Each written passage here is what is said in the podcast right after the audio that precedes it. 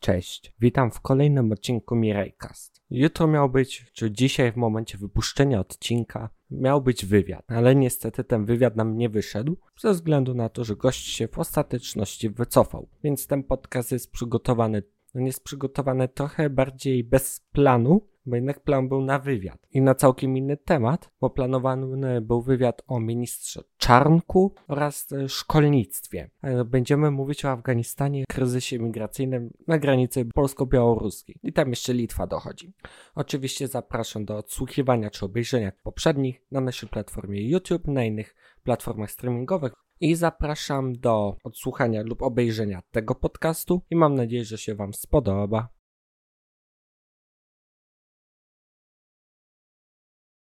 Dzisiejszy podcast będzie bardzo poważny, ze względu na to, że mówimy tutaj o sytuacji, która się dynamicznie rozwija. Mówimy tu o sytuacji tragicznej, ale też mówimy o sytuacji, gdzie z poziomu pewnych grup e, mówi się tutaj o pewnych działaniach zorganizowanych. Te same grupy często mówią, że obecna epidemia też jest zorganizowanym działaniem rządów w bardzo określonym celu, ale nie na temat e, COVID-19, a na temat uchodźców. Jeśli chodzi o obecną sytuację, trzeba zacząć od dnia 15 sierpnia. Wtedy zakończono zajmowanie stolicy Afganistanu, Kabulu przez talibów. Tutaj napomnę, że już kilka dni wcześniej niektóre ambasady czeska, angielska oraz kilka innych ambasad już ewakuowało swoich dyplomatów. Amerykanie, może nie śmieszniejsze, ale taki trochę chichot historii, ewakuowali swoją ambasadę dopiero po podbiciu stolicy. Niektórzy to porównywali do ewaku ewakuacji ambasady w Saigonie w latach 70. O ile mnie pamięć nie myli, w roku 1972. Musiałbym to sprawdzić. Po podbiciu, oczywiście, zamknięte sklepy, chaos na lotnisku, ewakuacja żołnierzy, dyplomatów, współpracowników, Dzisiaj sobie pozwolę odejść od wytłumaczenia historycznego, czyli o najeździe sowieckim, okupacji amerykańskiej, o talibach 1-0, że to tak określę, czyli tych talibach po okupacji sowieckiej, później o okupacji amerykańskiej pominę, bo to musiałby być temat na cały nowy odcinek, a dzisiaj chciałbym się skupić tutaj bardziej na współczesnej sytuacji, bo problem jest bardzo poważny. Ostatnie dwa tygodnie to są doniesienia o zamachu terrorystycznym w Kabulu, tragicznych warunkach humanitarnych, o próbie ewakuacji dyplomatów, współpracowników. Ostatnie samoloty europejskie już chyba wyleciały, polskie już, o ile mnie pamięć nie myli, tydzień temu wróciły. Co chciałbym jeszcze nadmienić. Polska w Afganistanie nie miała ambasady od roku 2014. Została zlikwidowana za kadencji Jacka Sikorskiego co chciałbym nadmienić. Kolejną rzeczą e, w sprawie tej sytuacji to jest problem imigrantów na granicy białorusko-polskiej. Na tym się bardziej skupimy, no bo jest to nam problem bliższy niż leżący kilka tysięcy kilometrów e, kraj w Azji Środkowej. Tak jak wspomniałem, e, na granicy polsko-białoruskiej obecnie panuje Armagedon w związku z tym, że nagle nad granicą polsko-białoruską zjawili się masa turystów z kraju islamskiego. Podejrzewa się, że to są głównie Afgańczycy, ale ponoć dokumentów nie mają. Nic dziwnego, że się tam pojawi. Europa jest rajem tak naprawdę do życia. E, bądź co bądź, zwłaszcza dla imigrantów którzy pracować nie muszą. Dodam też również, że na granicy polsko-białoruskiej, zaraz po tym jak się zjawili ci imigranci, przyjechała Straż Graniczna i zaczęła stawiać drut kolczasty na granicy, aby przeszkodzić imigrantom, przeszkodzić imigrantom w dostaniu się na teren Rzeczypospolitej Polskiej. Ale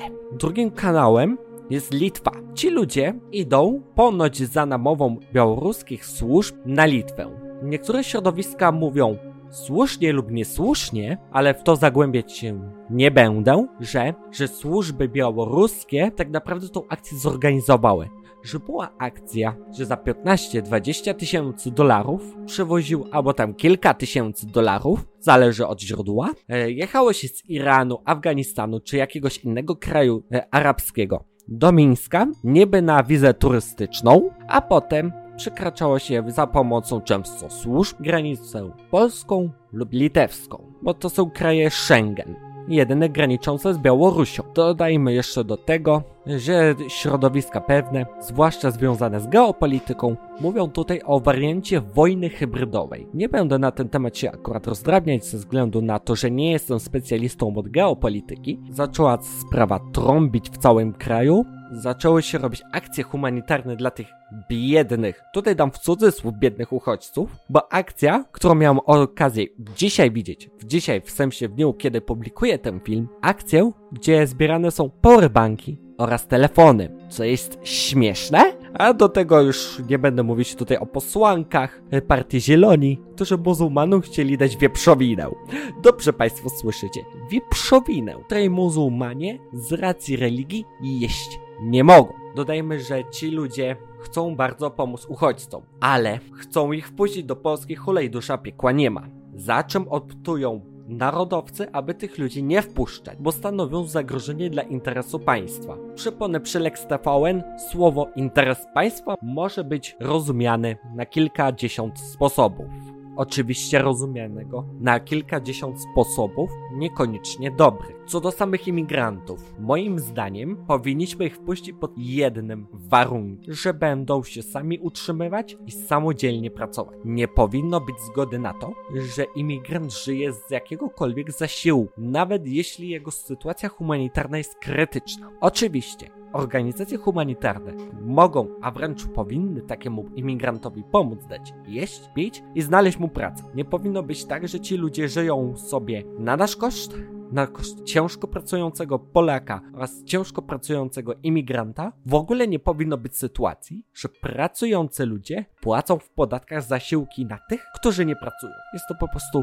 sytuacja skandaliczna. Ktoś powie, że to korwinizm, ale nie. To już nie, nie wchodzimy w korwinizm, tylko w ideę libertariańską, która zakłada zniesienie całkowitych zapomóg socjalnych jako tych rzeczy, które są bardzo szkodliwe, demoralizujące i rozleniwiające obywateli. Jak można rozleniwiać ludzi? Na pewno nie jest to w interesie ani pracodawców, ani pracowników. Do tego w internecie obiegły zdjęcia czy tam filmiki posła Platformy Obywatelskiej, Koalicji Obywatelskiej, nie przypomnę już w tym momencie imienia i nazwiska, który próbował chyba te puszki z wieprzowiną, o ile mnie pamięć nie myli, zanieść tym uchodźcom przedzierając się przez granicę, przez wojsko Straży Granicznej. Kolejną śmieszną sytuacją jest przyjazd ministra Błaszczaka i gratulowania tym ludziom. Ale za co gratulowania tym ludziom?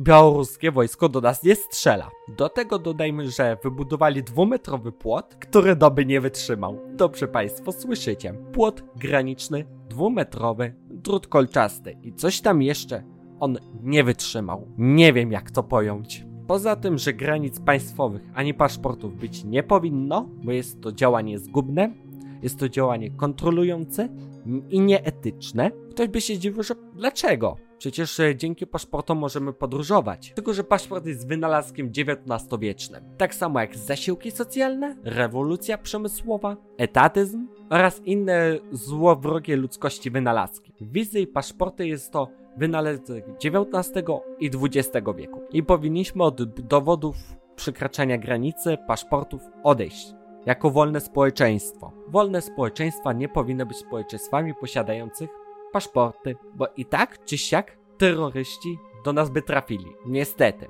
Oczywiście, mniejszona ilość. Ale czyż nie powinno się przykładać wolności nad bezpieczeństwa, a nie na odwrót? O ile parafrazuję chyba Jeffersona, albo Benjamina Franklina, Niech ktoś w komentarzu mnie tu poprawi, a jak nie oglądacie na YouTubie, to ogólnie możecie na fanpage'u napisać autora tych słów, ale chodzi mi o to, że jeśli przykładamy bezpieczeństwo nad wolność, nie mamy ani jednego, ani drugiego. Przedkładamy wolność nad bezpieczeństwo, możemy się szczycić zarówno jednym, jak i drugim. Tak naprawdę to wolność jest drogą do bezpieczeństwa, a niebezpieczeństwo drogą do wolności. Na miejscu rządu ja bym wpuścił tych imigrantów i kazał szukać pracy. Najprościej. Najprościej jak się pozbyć problemu nielegalnej imigracji. Zlikwidować zasiłki socjalne. Nie przyjadą tutaj tylko ci imigranci, którzy będą chcieli pracować. Którzy założą w restaurację, którzy pójdą pracować jako budowniczowie, kelnerzy, sprzątaczki, zamiatacze ulic, którzy założą tu bary, warsztaty, oraz przedsiębiorstwa i będą przynosić ogólny dobrobyt mieszkańcom danego regionu. Bo jedna, bo jeden bar chiński więcej w Krakowie to jest tańsze chińskie żarcie dla wszystkich ludzi, którzy będą chcieli zjeść to chińskie żarcie, więc to oznacza, że właściciel będzie miał w ostateczności większe zyski. Tak naprawdę wpuszczenie imigrantów, którzy chcą pracować przy rekordowo niskim bezrobociu, przynajmniej statystycznym, powoduje, że nie jest to zły pomysł, a wręcz potrzebujemy rąk do pracy. A jeśli ci imigranci będą tak jak działali w Niemczech, we Francji swego czasu, czy nawet w roku 2020, gdzie był atak w Nicei, albo nie będą pracować, no to w takim wypadku należy się tych ludzi jak najszybciej pozbyć. Jako iż posiadamy złowrogiego lewiatana zwanym państwem, zorganizowaną grupę przestępczą. Jeszcze chciałbym powiedzieć, że reakcja Straży Granicznej na tych uchodźców, którym nie pozwolono dać wody, jedzenia, niczego, powiedziano mi wprost: idźcie na przejście graniczne, złożyć wniosek. Czy powinni tak zrobić? Czy mają rację funkcjonariusze Straży Granicznej? W to się nie będą zagłębiać. Tak podsumowując, to cała sprawa jest jeszcze dynamiczna. Jest ona dość kontrowersyjna z jednego względu, ponieważ zależy od tego, jaką postawę przyjmiemy i z jakiej idei będziemy patrzeć oraz co uważamy na temat imigracji z państw obcych kulturowo, takie będą nasze wnioski, bo są argumenty za, argument przeciw, są idee, które nie uważają jednej strony, są idee, które uważają dwie strony medalu, też jest rząd, który chce ugrać na tym kapitał polityczny, nic dziwnego. I tak naprawdę jedyne co mogę powiedzieć, to to, y, że powinniście wy, moi kochani słuchacze oraz widzowie, myśleć. Proszę Państwa, myśleć. Używać tej szarych komórek i myśleć. Myśleć, patrzeć krytycznie oraz analizować to, co się dzieje w naszym, to, co się, analizować to, co się dzieje w kraju oraz w Europie i na świecie. I nie tylko. Y, pod tym względem powinniśmy analizować wszechstronnie. Tutaj trzeba użyć krytycznego i logicznego myślenia. Powiedzieć, że król jest nagi, kiedy tak jest, też trzeba powiedzieć. Kiedy się z czymś nie zgadzamy, bo na przykład uważamy, że na przykład, że obostrzenia są złe, że rząd y, manipuluje ludźmi w sprawie na przykład COVID-19, to należy to powiedzieć. Jeśli uważamy tak i, uważ i mamy na to dowody, przynajmniej argumentację, nie należy się bać mówić. A ja już dziękuję Wam, kochani moi widzowie, za odcinek. Za tydzień niestety odcinka nie będzie, bo jestem w Paryżu. Po prostu chcę odpocząć, bo w całe wakacje dorabiałem sobie między innymi na te mikrofony, na to wszystko, czym nagrywam moje podcasty. Za dwa tygodnie będzie wywiad z panem Janem Górką. Dokładnie już Państwu sprawdzę. 10 września o godzinie 19. Taki jest przynajmniej plan. Liczę, że się nam uda. I ja dziękuję. Zapraszam na wywiad. Do zobaczenia. Cześć.